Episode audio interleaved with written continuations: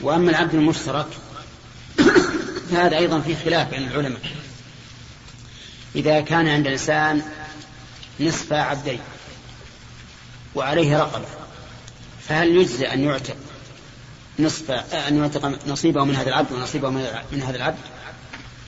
يرى بعض العلماء أنه لا يجزئ ويرى آخرون التفصيل الذي أشار إليه العين وهو أنه إن كان غنيا أجزى لأنه إذا أعتق ما يملكه من العبد وهو غني سرى العتق إلى جميع العبد وألزم بدفع قيمة نصيب الشريك وعلى هذا فإذا أعتق نصفي عبدين يعتق عليه العبدان جميعا. وهذا التفصيل جيد لأنه إذا أعتق ما يملكه من هذا العبد وما يملكه من هذا العبد فقد أتم عتق رقبة. بل لو أعتق ما يملكه من هذا العبد وحده بنية أنه إذا سر العتق إلى باقيه فهو فإنه ينوي به تمام الكفارة فلا بأس. نعم. هذا هو الصحيح. لا بأس.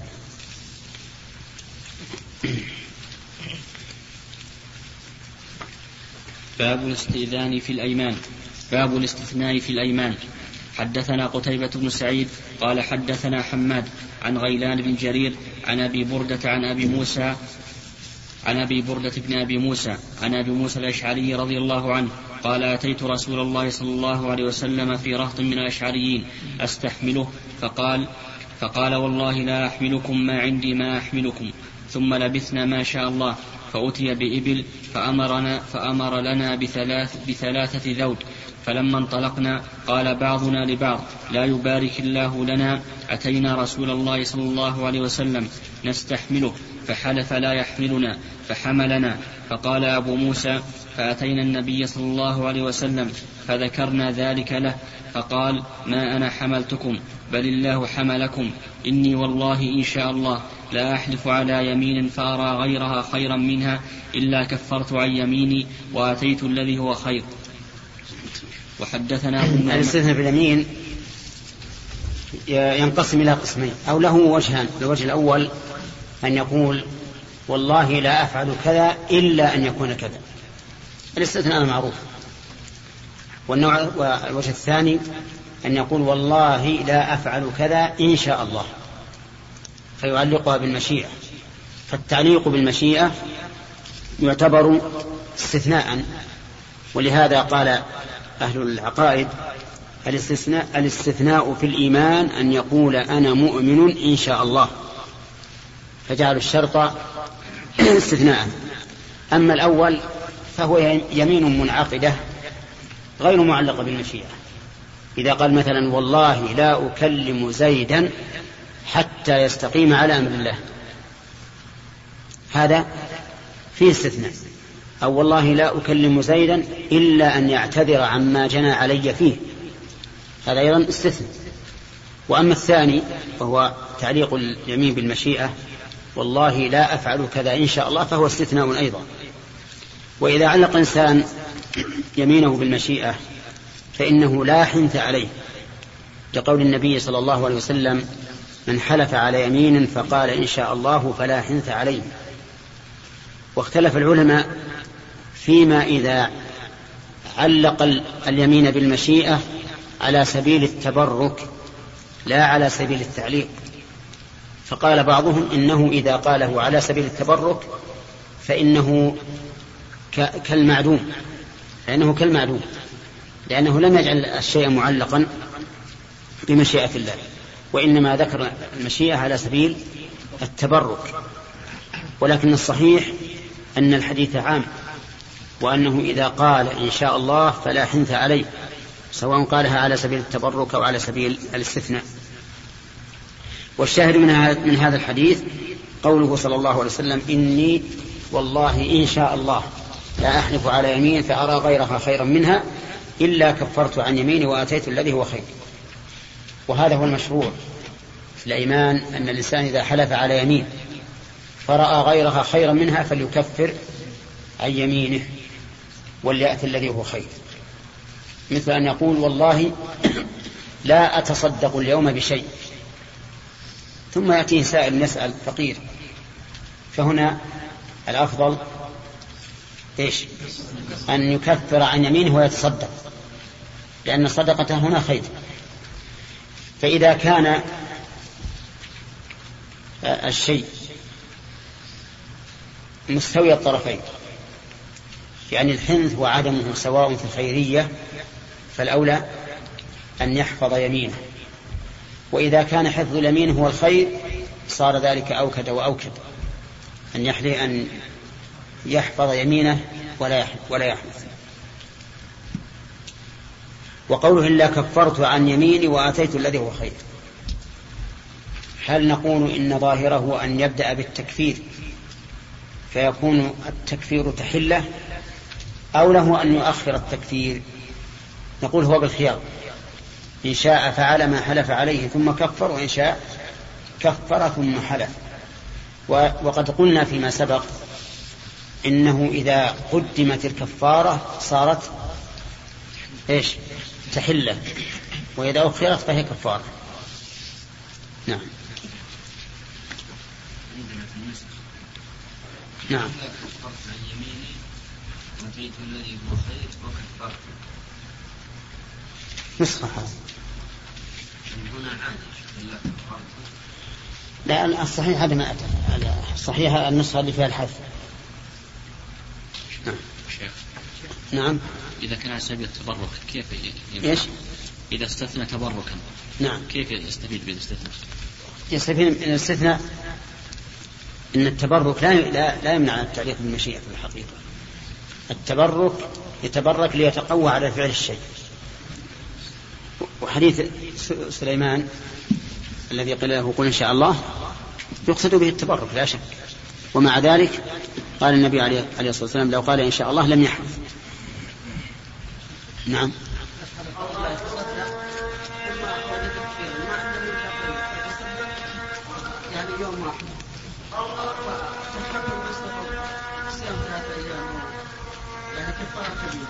ما يضر. ما يضر. يا خير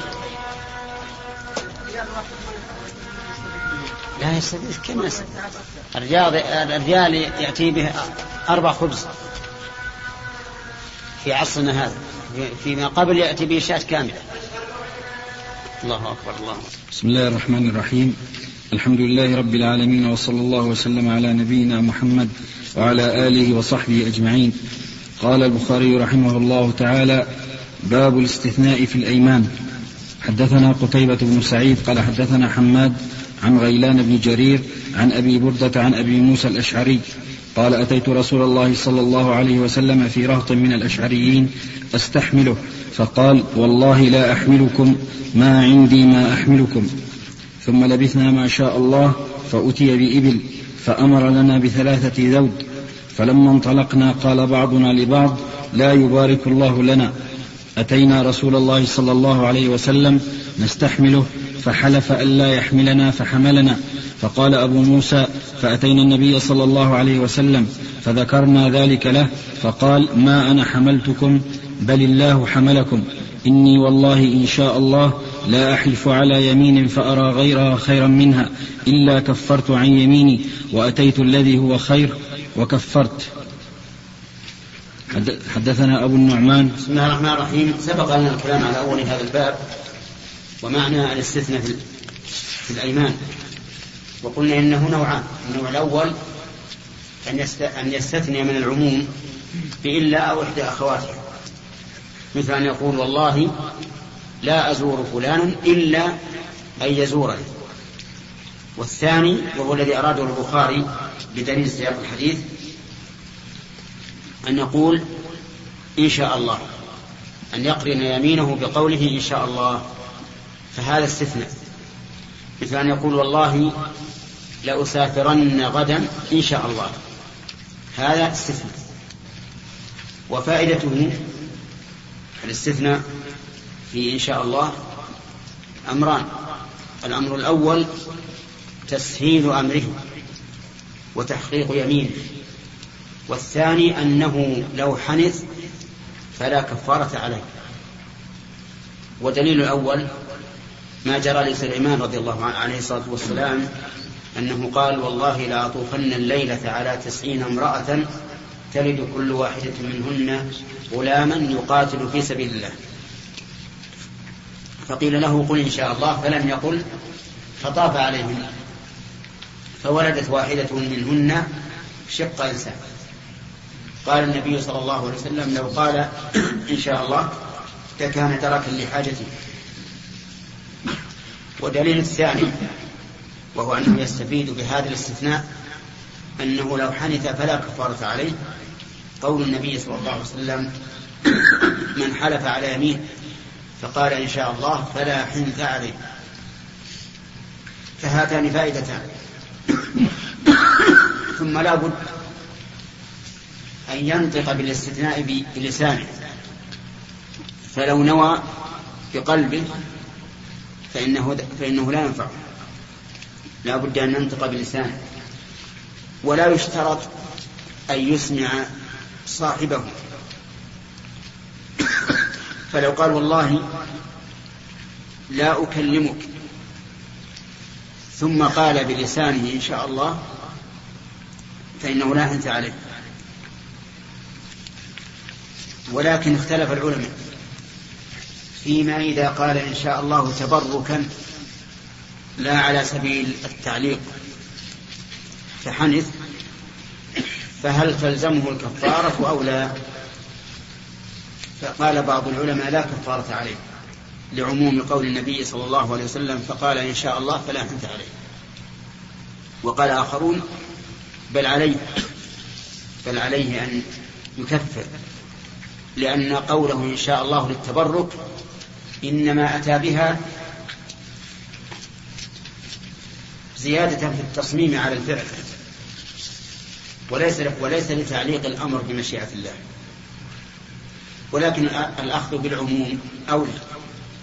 أنه إذا قال إن شاء الله تبركا أو تعليقا فلا أنت عليه.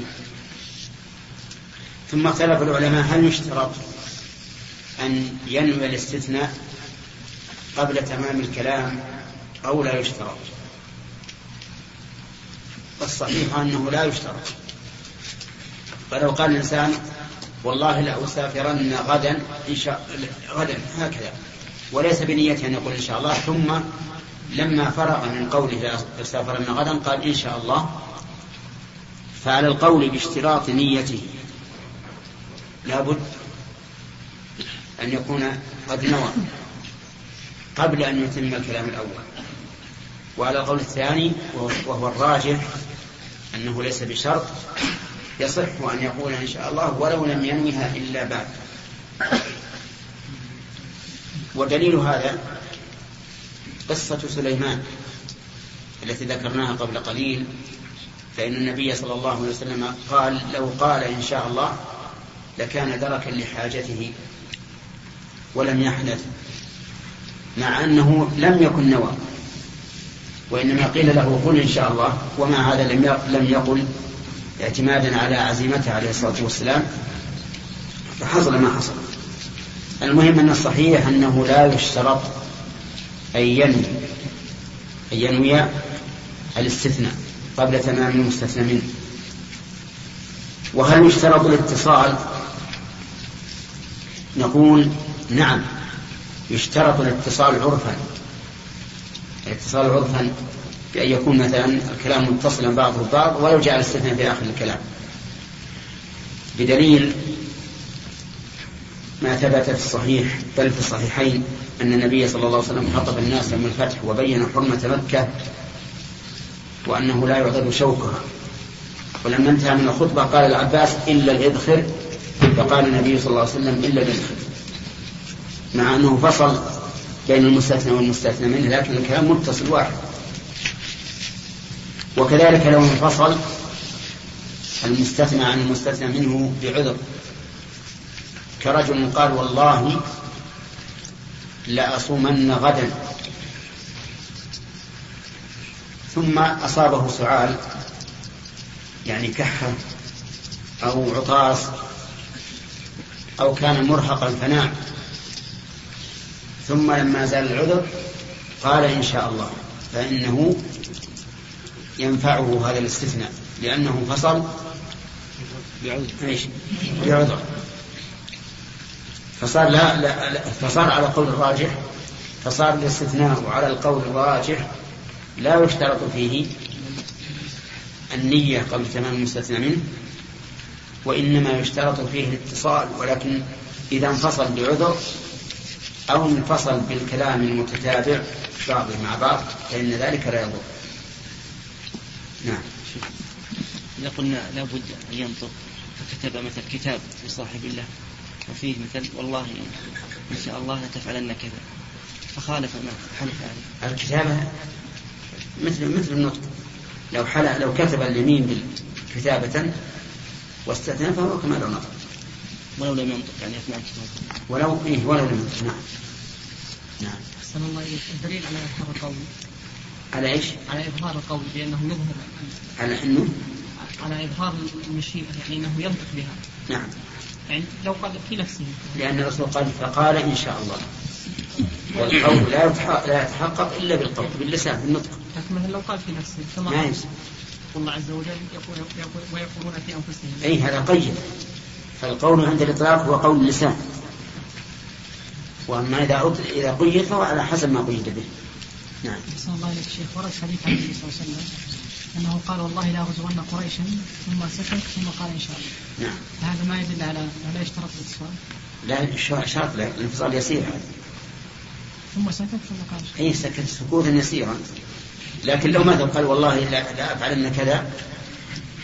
ثم بعد مدة قال إن شاء الله ما نفعل. لكن هذا سكوت يسير. ولعل النبي عليه الصلاة والسلام كان نسي. ثم ذكر. نعم. حدثنا أبو النعمان قال حدثنا حماد وقال إلا كفرت عن يميني وأتيت الذي هو خير أو أتيت الذي هو خير وكفرت. حدثنا علي بن عبد الله قال حدثنا هذه ففيها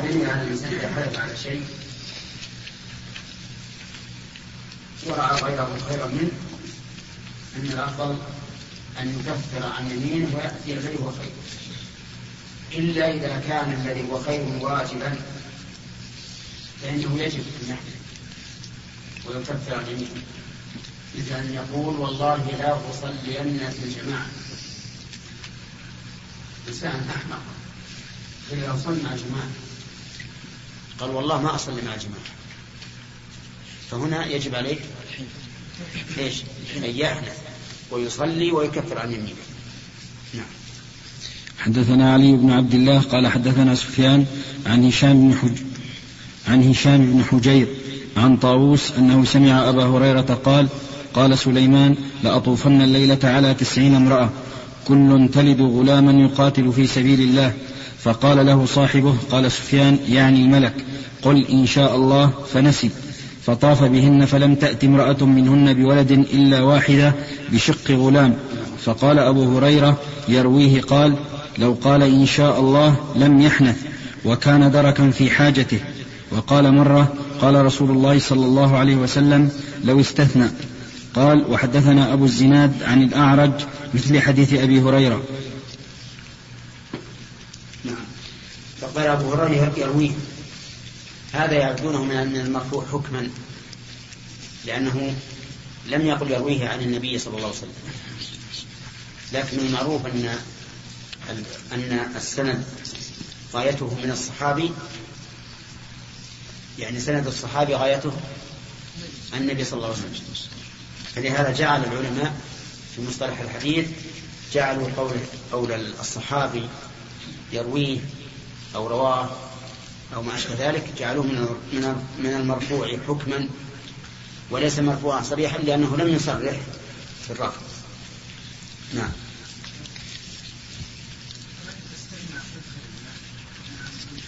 نعم.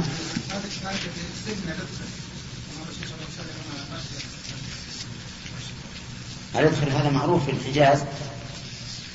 نبت له سيطان دقيقة يجعلونه في القبور. بين اللبن من أجل أن لا يخر التراب على الميت. وكذلك يجعلونه للحدادين يوقدون به الفحم.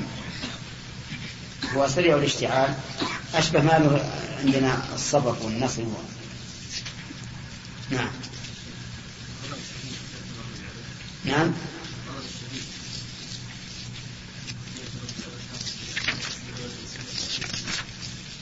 كيف الشديد شلون؟ اي نعم. وعلى كل الغضب الشديد لا ينعقد به اليمين أصلا. لأن الغضب الشديد إذا صدر القول في حال الغضب الشديد فإنه لا عبره به. نعم. ها؟ إيه؟ هذا يضر الفصل لأن الغضب المتوسط يتصرف يتحكم بنفسه الشيخ نعم. الشيخ الذي يقول إن شاء الله تبركا. ما الذي أخرجه من قول النبي صلى الله عليه وسلم؟ إنما الأعمال بالنيات. نعم. أخرجه عموم قوله فقال إن شاء الله. فقال إن شاء الله. وأكثر الناس يقول بهذا تبركا. مع اعتقادهم أن, أن الأمر كله بيد الله. نعم. باب الكفارة قبل الحنث وبعده. حدثنا علي بن حجر قال حدثنا إسماعيل بن إبراهيم عن أيوب عن القاسم التميمي عن زهد بن الجرمي قال كنا عند كنا عند أبي موسى وكان بيننا وبين هذا الحي من جرم إخاء ومعروف. قال فقدم طعام فقدم يا شيخ.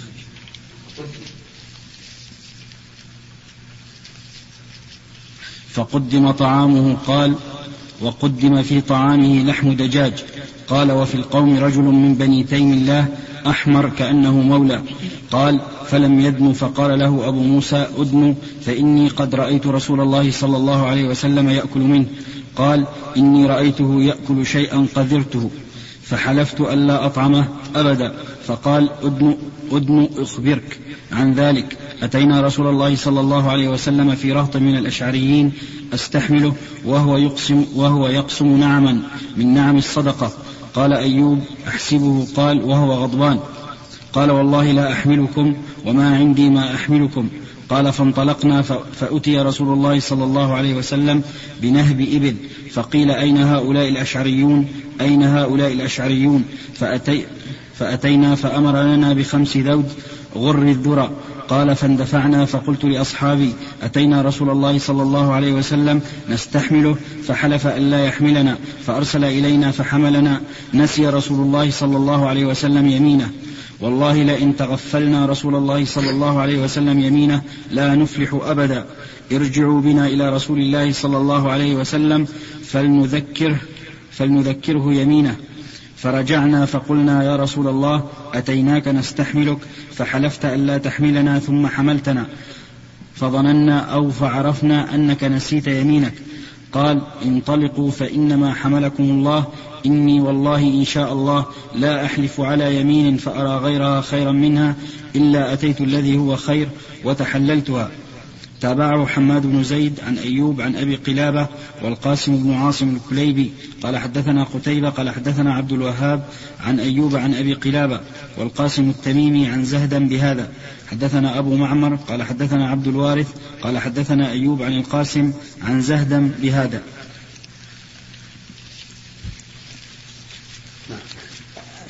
الشاهد من هذا قول الرسول عليه الصلاة والسلام إني والله إن شاء الله لا أحلف على يمين فأرى غيرها خير منها إلا أتيت الذي هو خير وتحللتها. فهنا يقول أتيت وتحللت. وفي السياق السابق أنه ذكر مرة أنه كفر من قبل أو كفر من بعد. والحكم في هذه المسألة أنه يجوز أن يكفر ثم يحنث. ويسمى تقديم الكفارة على الحنث تحلة. ويجوز أن يحنث أولا ثم يكفر ويسمى ذلك كفارة. وقد قال الله تعالى في الأول قد فرض الله لكم تحلة أيمان وفي الثاني ولكن يؤاخذكم بما عقدتم الأيمان فكفارته إطعام عشرة مساكين. فالأمر في هذا واسع. قد يكون الإنسان يحب أن يعجل الكفارة لوجود الفقراء ويخشى أن لا يجدهم بعد هذا. وقد يكون بالعكس. وفي قوله عليه الصلاة والسلام إنما حملكم الله يعني أن الله هو الذي يسر لكم هذه الإبل حتى تسهل حمله. لأن النبي عليه الصلاة والسلام إنما حلف أن لا يحملهم في الأول لأنه ليس عنده شيء. فقال والله لا أحملكم لأنه ليس عنده شيء. ثم بعد ذلك يسر الله تعالى إبلا جاءت من غير أن يكون الرسول عليه الصلاة والسلام قد احتسبها. فقال حملكم الله. نعم.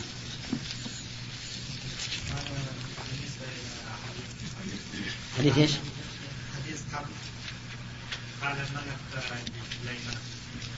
قل إن شاء الله. في عبارة نعم. سمع هذا يعني ترك. الناس ترك. هذا يسمى عمل. أقول ترك.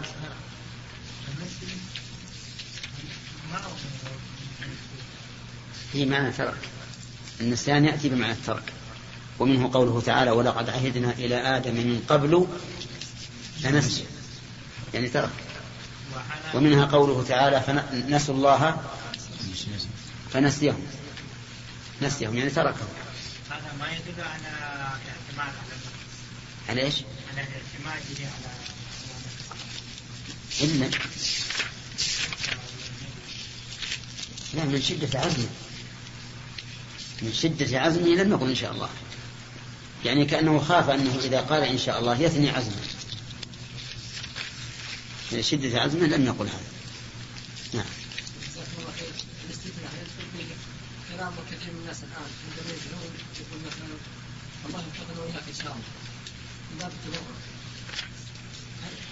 الأحسن أن لا يقول الأحسن أن لا يقول أما إذا قال إن شئت فإن هذا حرام نهى عنه الرسول عليه الصلاة والسلام لو قال اللهم اغفر لي إن شئت اللهم ارحمني إن شئت فهذا حرام لكن إذا قال إن شاء الله حيث أنها تحتمل التبرك نقول الأولى تركه لأنها تحتمل التبرك وتحتمل التعليق والإنسان في الدعاء لا ينبغي أن يعلق بل يعزم المسألة ويرقب. نعم. قوله صلى الله عليه وسلم والله ما أحملكم وما عندي ما أحملكم كيف هنا نفى يحملهم وما عندي؟ أي قولوا ما عندي ما أحملكم هذا تعليل لقوله والله لا أحمل. يعني ما عندي شيء. ما أحملكم لا بخلا ولكن عسارا ليس عندي شيء. نعم. حدثني محمد بن عبد الله قال حدثنا عثمان بن عمر بن فارس قال أخبرنا ابن عون عن الحسن عن عبد الرحمن بن سمرة قال قال رسول الله صلى الله عليه وسلم لا تسأل الإمارة فإنك إن أعطيتها من غير مسألة أعنت عليها وإن أعطيتها عن مسألة وكلت إليها. وإذا حلفت على يمين فرأيت غيرها خيرا منها فأت الذي هو خير وكفر عن يمينك. تابعه أشهل عن ابن عون. وتابعه يونس وسماك بن عطية وسماك بن حرب وحميد وقتادة ومنصور وهشام والربيع.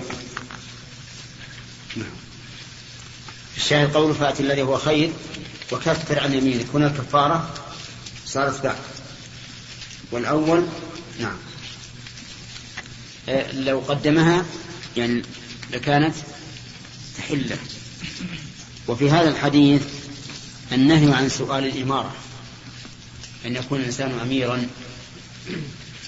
وبين النبي عليه الصلاة والسلام الحكمة من ذلك بأنه إن أعطيها من غير مسألة أعين عليه وإن أعطيها من مسألة وكل إليه فهل يلحق بها سائر الولايات كالقضاء مثلا وحفظ الأموال وإمامة الصلاة وما أشبه ذلك؟ أو نقول هو خاص بالإمارة. في قصة يوسف أنه قال للملك اجعلني على خزائن الأرض إني حفيظ عليم. وهذا معناه أن يكون وزيرا على المال. وعثمان بن أبي العاص قال للنبي عليه الصلاة والسلام اجعلني إمام قومي قال أنت إمامهم. وسأله رجل عملا من الأعمال فقال إنا لا نولي هذا الأمر أحدا سأله. والنصوص في هذا تكاد تكون متعارضة أو شبه متعارضة ولكن نقول أما الإمارة فلا يسألها الإنسان أبدا. لا يسألها أبدا لأنها على خطر فإن الأمير قد يرى في نفسه عزا وسلطة على الغير ويحصل منه ظلم وعدوان. وأما غيرها فإذا كان لمصلحة فلا بأس مثل أن يكون القائم على هذا العمل غير أهل له إما لجهله أو خيانته أو ما أشبه ذلك فلا بأس أن يسأل أن يكون في هذا العمل. وعليه تحمل قصة يوسف. لأن يوسف رأى أن أن المال قد ضاع فقال اجعلني على خزائن الأرض إني حفيظ عليم. هذا هو الضابط. وقد يقال إن, إن هذا الضابط يشمل الإمارة وأن النهي عن السؤال المجرد الذي لا يشتمل على